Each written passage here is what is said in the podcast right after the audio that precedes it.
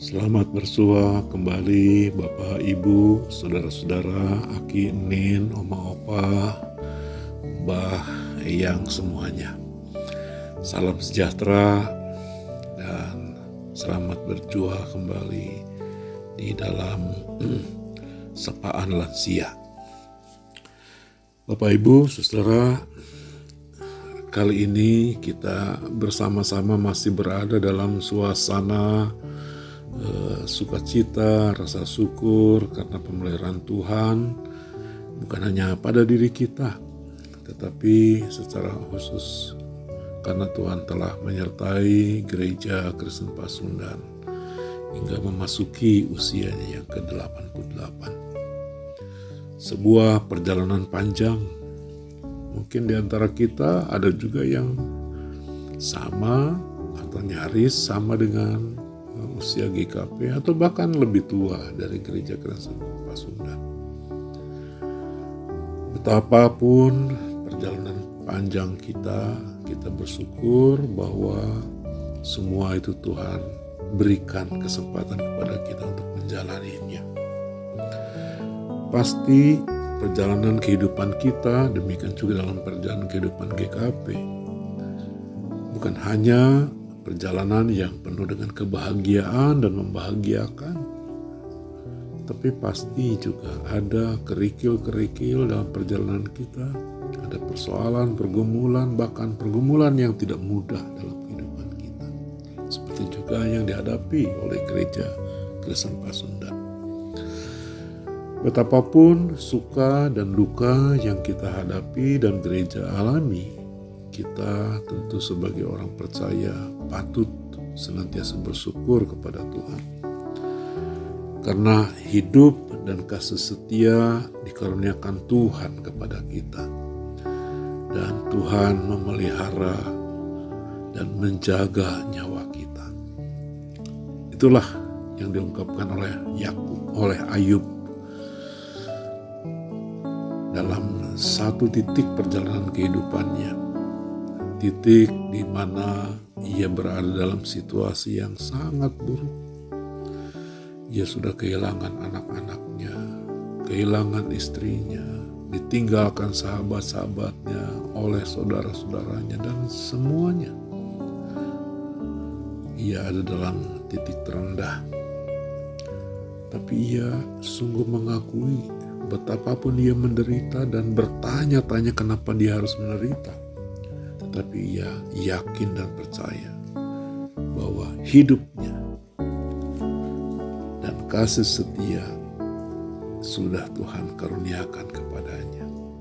Dan Tuhan jualah yang menjaga nyawanya hingga saat ini. Bapak, Ibu, dan saudara yang kekasih dalam Tuhan, perjalanan kehidupan gereja dan kita juga sekali lagi tentu tidak lepas dari berbagai pergumulan.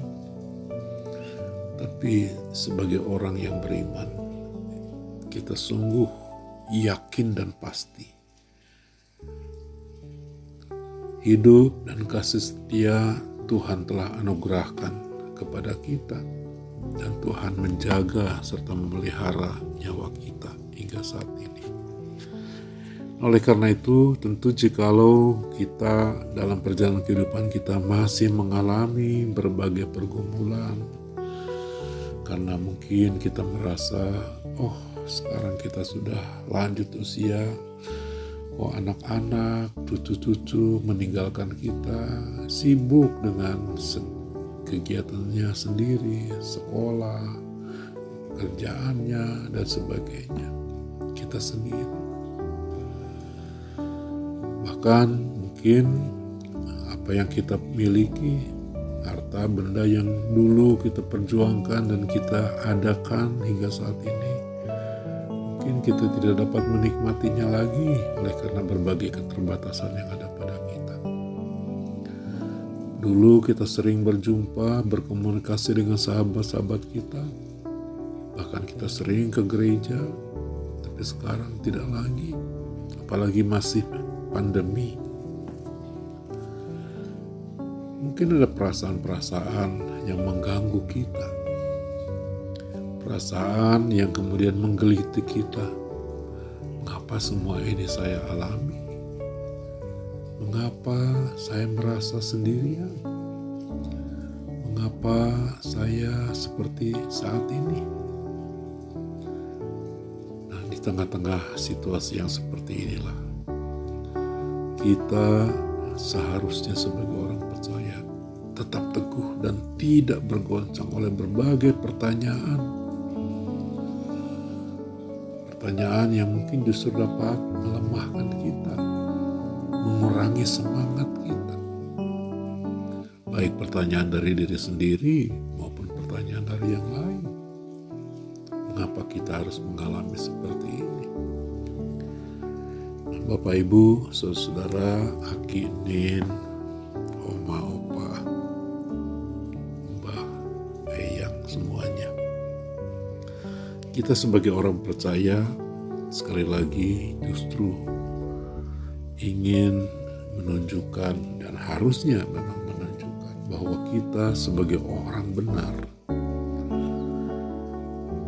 kita dalam masa usia yang tua sekalipun kita harus seperti pohon kurma yang terus bertunas dalam cuaca dan iklim yang mungkin bagi orang justru dapat menyiksa. Tetapi pohon kurma boleh terus bertunas, bertumbuh. Atau seperti pohon aras yang terus bertumbuh dengan subur, menjadi gemuk, dan menyegarkan. Begitulah kita sekalipun dalam usia yang semakin lanjut, kita tetap terus bertumbuh, kita tetap, tetap terus bertunas. Bapak Ibu, saudara, hari Minggu yang lalu saya ikut hadir dalam kebaktian syukur dalam rangka HUT ke-88 GKP.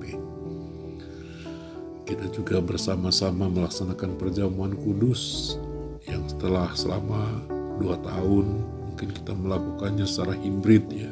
Ada yang di lokasi gereja, ada yang di rumah masing-masing. Tapi kemarin kita dapat bersama-sama. Luar biasa. Satu pengalaman perjumpaan, persekutuan yang begitu indah.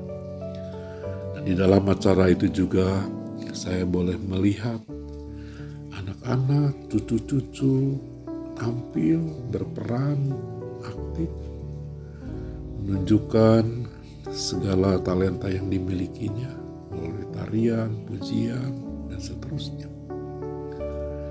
Tapi yang lebih menggembirakan lagi karena itu justru di antara yang hadir Begitu banyak oma, opa, aki, nin yang hadir mengambil bagian di dalam kebaktian ini. Bukan hanya mempertemukan para lansia,